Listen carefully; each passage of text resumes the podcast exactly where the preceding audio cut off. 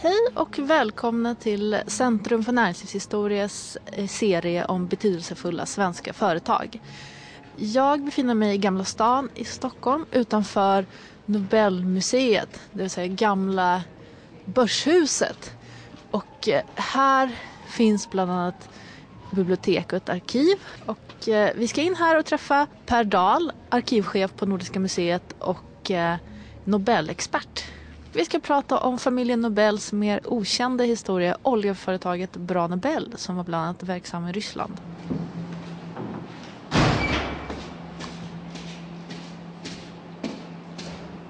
Hej Per Dahl, arkivchef på Nordiska museet. Kan du berätta lite vad vi ser framför oss här? Ja, vi sitter här i Nobelmuseets källare och har fått fram lite material som handlar om Emanuel Nobel.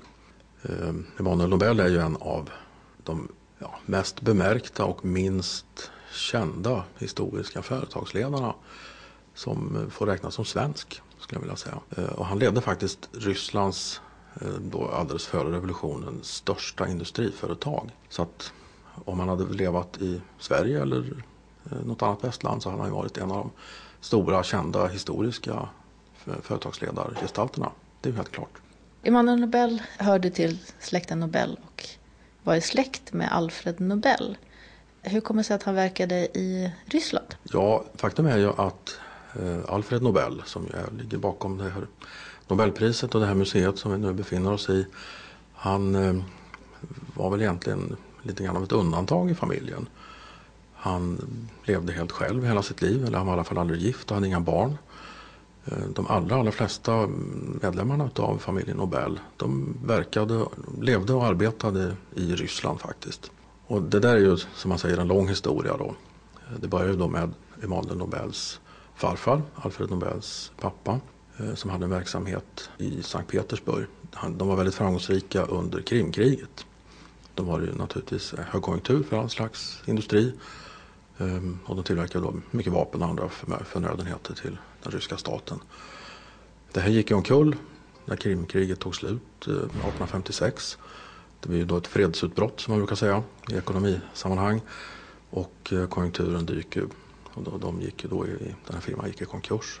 Och då, vid den tiden så jobbade då Alfred Nobel och hans bröder Ludvig och Robert eh, i företaget.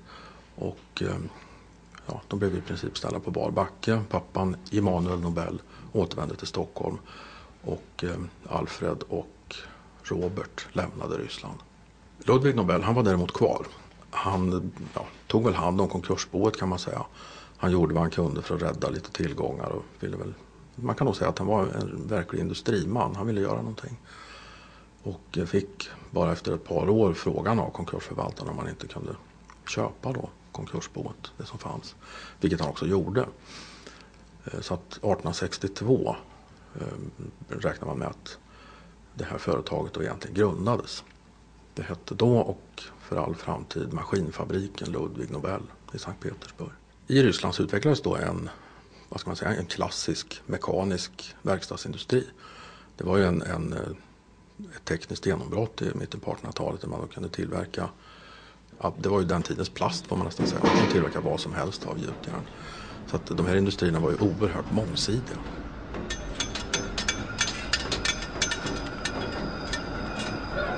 Man måste komma ihåg att det var ganska speciella förhållanden i Ryssland på 1860-talet. Slaveriet hade just upphävts 1861, alltså fyra år före USA. Så att det fanns ett väldigt stort utbud av arbetskraft. Det fanns väldigt många människor som ja, kanske inte blev arbetslösa genom att inte längre vara slavar men de blev fria att söka eget arbete. Eh, så att det fanns ett väldigt stort utbud av okvalificerad arbetskraft. Och det här var någonting som förmodligen var en väldigt viktig sak för, för Ludvig, en viktig erfarenhet för honom senare. Att anlita den här typen av, av arbetskraft. Han gjorde väldigt mycket för sina anställdas sociala välfärd skulle vi säga idag. Eh, när det gäller då sådana enkla saker som att betala ut lönen i god tid, se till att barnen gick i skolan, eh, fick lära sig läsa, eh, man gick till kyrkan, ordnade med bostäder på ett eller annat sätt. Alltså att företaget stödde det omkringgivande civila samhället. Hur kommer det sig att familjen gick in i oljebranschen? Ja, det är som så många andra saker i historien en slump. Nej, det är ju att ta i förstås. Men eh, på ett sätt så kan man säga att det var en en naturlig utveckling. Alltså Ryssland var ju och är väl egentligen fortfarande då ett, ett land med väldigt stora tillgångar som, som inte var särskilt väl utvecklade. Det finns, historien är ju ganska känd. Eh, Ludvigs bror Robert Nobel hade då kommit till Ryssland och börjat jobba i maskinfabriken i industriföretaget. Och fick ett uppdrag då för den här vapenfabriken. Han skulle skaffa råmaterial, trä till gevärsstockar. Det behöver vara ett speciellt sorts träslag då. Han fick en, ett kapital att handla för, en ganska stor summa och eh, skickades då med båt till Kaspiska havet. Och eh, ja, någonstans i Kaukasus då, i Azerbajdzjan så skulle han ju leta efter det här lämpliga träslaget. Och nu hittar han ju inte det just där. Men Robert Nobel var nog, det är svårt att karaktärisera de här personerna så långt efteråt naturligtvis. Men Ludvig Nobel var ju uppenbart en väldigt, han var en skicklig industriman.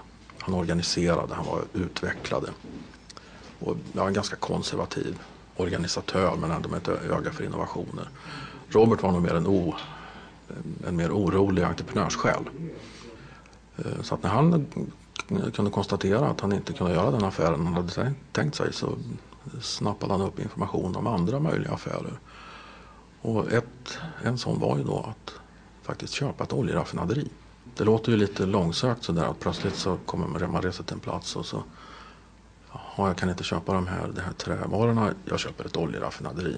Men det var egentligen, på ett sätt så var han verkligen rätt man på rätt plats vid rätt tidpunkt. Att det finns olja i Baku det har ju varit känt sedan antiken. Alltså det tränger upp då gaser ur marken som, som antänds spontant och så. Och det har ju utvunnits då olja där med hantverksmässiga metoder. Man har grävt brunnar och hissat upp med hinkar ungefär som med vatten.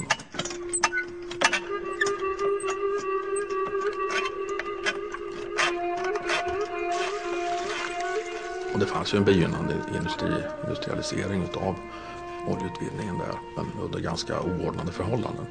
Men precis året innan, om jag minns rätt, 1872, han kom alltså dit 1873. Precis året innan så hade ryska staten infört ny lagstiftning eh, som gällde hur man disponerar, eh, hur man får arrendera då en viss, ett visst markområde och utvinna naturresurserna. Så Baku tillhörde då Ryssland? Ja, alltså det här handlar ju då om, om Tsarryssland som ju var ett mycket, mycket större land än vad Ryssland är idag. Och även större än vad Sovjet var. Så att de baltiska staterna, Finland, en stor del av Polen eh, och alla de nu självständiga länderna i Kaukasus ingick ju förstås då. Eh, Ryssland hade faktiskt erövrat eh, Baku och omgivande områden inte så länge, långt innan. Men i vilket fall, han kommer dit, en entreprenörstyp med ett uppdrag. Han har pengar på fickan.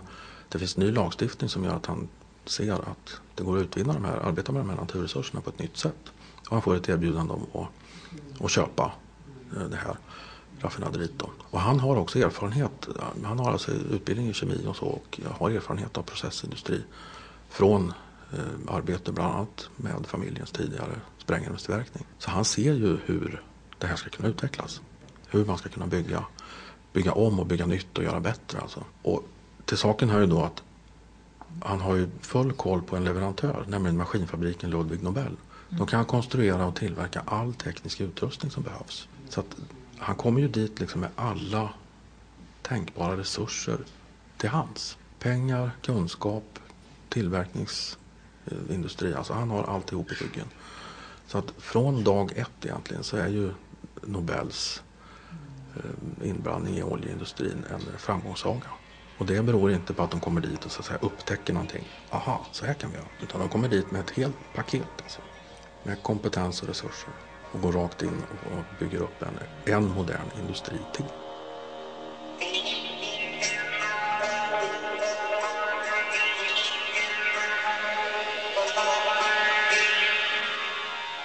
Finns det några konkurrenter där på området? Ja visst, vi svenskar vill ju naturligtvis gärna tänka på Nobelfamiljen hela tiden och de svenskar som jobbade där. Men det är klart att det fanns andra eh, ryska och lokala eller azerbajdzjanska eller alltså tatariska som man sa då, företagare också. Eh, det fanns en mycket framgångsrik eh, murare, en analfabet, Tagev, som byggde upp en enorm förmögenhet till exempel på oljeutvinning. Då. Men eh, Nobels var hela tiden lite bättre, alltså lite mer välorganiserade. De använde den modernaste tekniken som de tillverkade själva. De byggde till exempel upp en infrastruktur för oljetransporter, alltså rörledningar med pumpar då från oljekällorna till raffinaderierna som ju då sparar in tidigare transporter med källor. Alltså det var en enorm besparing. Och den besparingen utnyttjar man ju också genom att låta andra oljeföretag använda den där infrastrukturen. Så att man får själv jättebillig transport och så tar man lite mer betalt av konkurrenterna. De gör också en god affär men så tjänar man själv på det samtidigt. Va? Det är en, en eh, perfekt investering. Hur stort var det här oljebolaget, Bra Nobel då, som det hette? Ja, det, det beror på lite hur man mäter. Eh, men det var ju Rysslands största oljeproducent eh, under större delen av sin verksamhetsperiod. Omkring år 1900 så producerades den största delen av all olja i världen i och omkring Baku. Och Nobels oljebolag var ju samma storleksordning, eh, eller ungefär lika stort som Standard Oil i USA innan det delades upp. Så att om det hade varit så att säga västligt och beskrivits och betraktats historiskt som på samma sätt som de amerikanska bolagen så hade man ju känt till det här. Då. Men det var alltså väldigt mycket större än vad man vanligen tänker sig. Hur såg sammanhanget ut mellan de här olika bolagen? Ja, man kan ju betrakta alltihopa som en stor koncern. Och det var ju två, eh, det bestod av två huvuddelar. Dels maskinfabriken och sen då oljebolaget. Och de hängde ju ihop på flera sätt. Alltså kanske inte ägar administrativt eller så då. Men tekniskt som jag nämnde tidigare så tillverkar man kan man ju tillverka i Sankt Petersburg det som mycket av den utrustning som behövdes i, eh, i Baku och på andra håll där man utvann olja och raffinerade och, och transporterade för den delen. Så att med den industriella kompetens som fanns så kunde man alltså bygga upp ett system som räckte ända från oljekällan till fotogenlampan. Alltså man hade utvinning, transport, raffinering, distribution, försäljning och även då tillverkning och försäljning av den utrustning som man använde oljeprodukterna med. Fotogenlampor, oljebrännare eh, för att använda i ångpannor och värmepannor. Eh, och sen det som var den stora grejen då in på 1900-talet, dieselmotorn. The flash of power, the gleam of oil. In the sky, the power of oil conquering the heights. On the sea, the might of petroleum pulsing in great engines of the liners that traverse the deep. On land, oil feeds the fiery furnace or drives the diesel engines along far-flung rails of steel. And on the open road, well, you know what makes your auto run. Rudolf Diesel presenterade sitt patent på dieselmotorn så blev det en rusning dit till hans kontor för att teckna licensavtal. Och de som kom först var Atlas ifrån Sverige och Nobel ifrån Ryssland. Då. Så att Emanuel Nobel förhandlade faktiskt själv med Rudolf Diesel om det här avtalet. Så de, och så bildades det ett särskilt bolag då för att tillverka dieselmotorer. Och det var ju alltså ett enormt genombrott när det gällde effektivitet och kraftutveckling. Alltså att man har en effektiv, portabel kraftkälla. Emanuel Nobel sa själv det att, att eh, tidigare så hade man utrustning som maskiner som brände oljan hinkvis. Men en dieselmotor för, förbränner och använder oljan då droppvis. Och det här var ju då, det var verkligen framtidens teknologi. Och eh, utvecklingen gick ju ganska fort. Va? Det är lätt att glömma bort de här sista åren före första världskriget. Men då utvecklas både maskinfabriken väldigt fort med dieselteknologin. Och den, den hänger ju då ihop. Med, man har alltså en, en koncern som innehåller hela kedjan. Från oljekällan till den då toppmoderna ubåtsdieselmotorn som man alltså sålde till ryska marinen. På ett sätt är det helt enastående. Det har inte funnits någonting liknande sedan dess.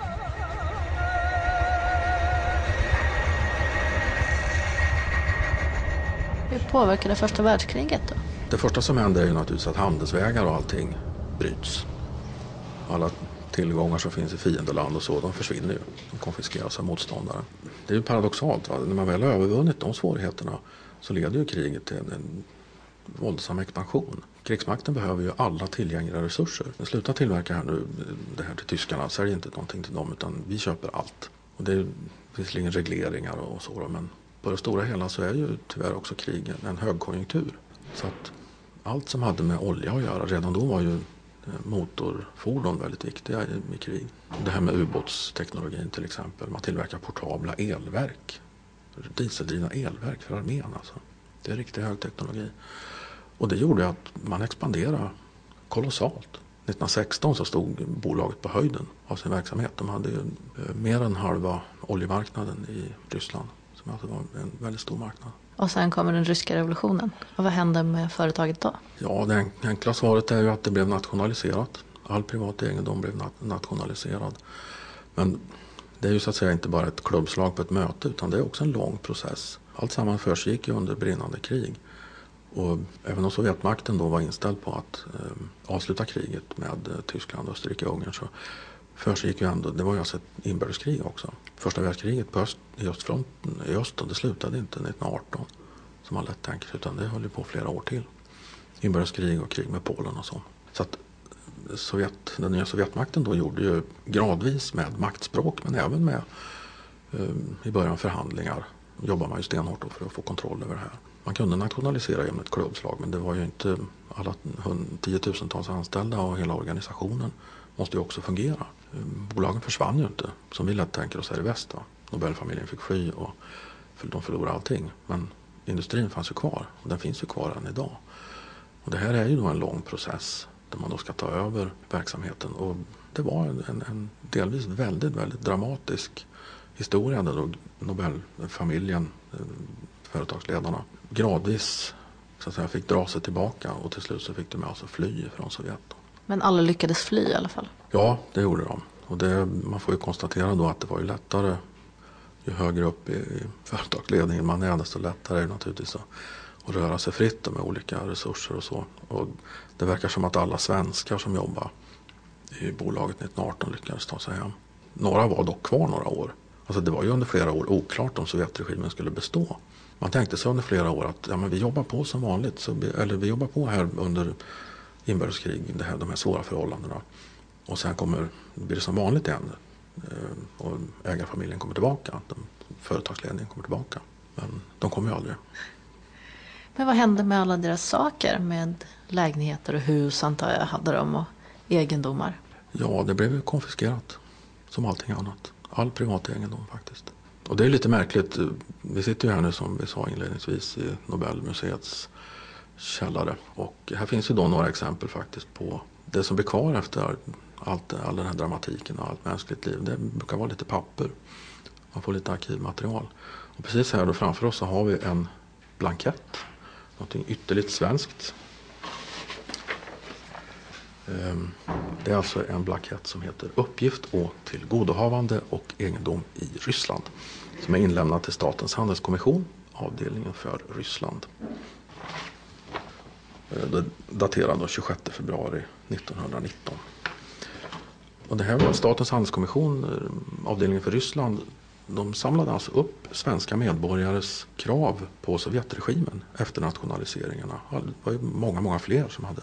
Man räknar med att ungefär en miljon utländska medborgare flydde i samband med revolutionen. Och alla blev av med sin egendom.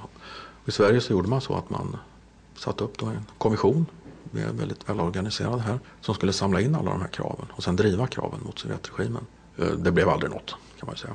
Men den här blanketten är inlämnad utav en utav ehm, de yngre då i familjen, Emil Nobel. Och han räknade upp ehm, eh, olika jordegendomar, stadsfastigheter, bostäder, värdepapper och annat sånt här. Och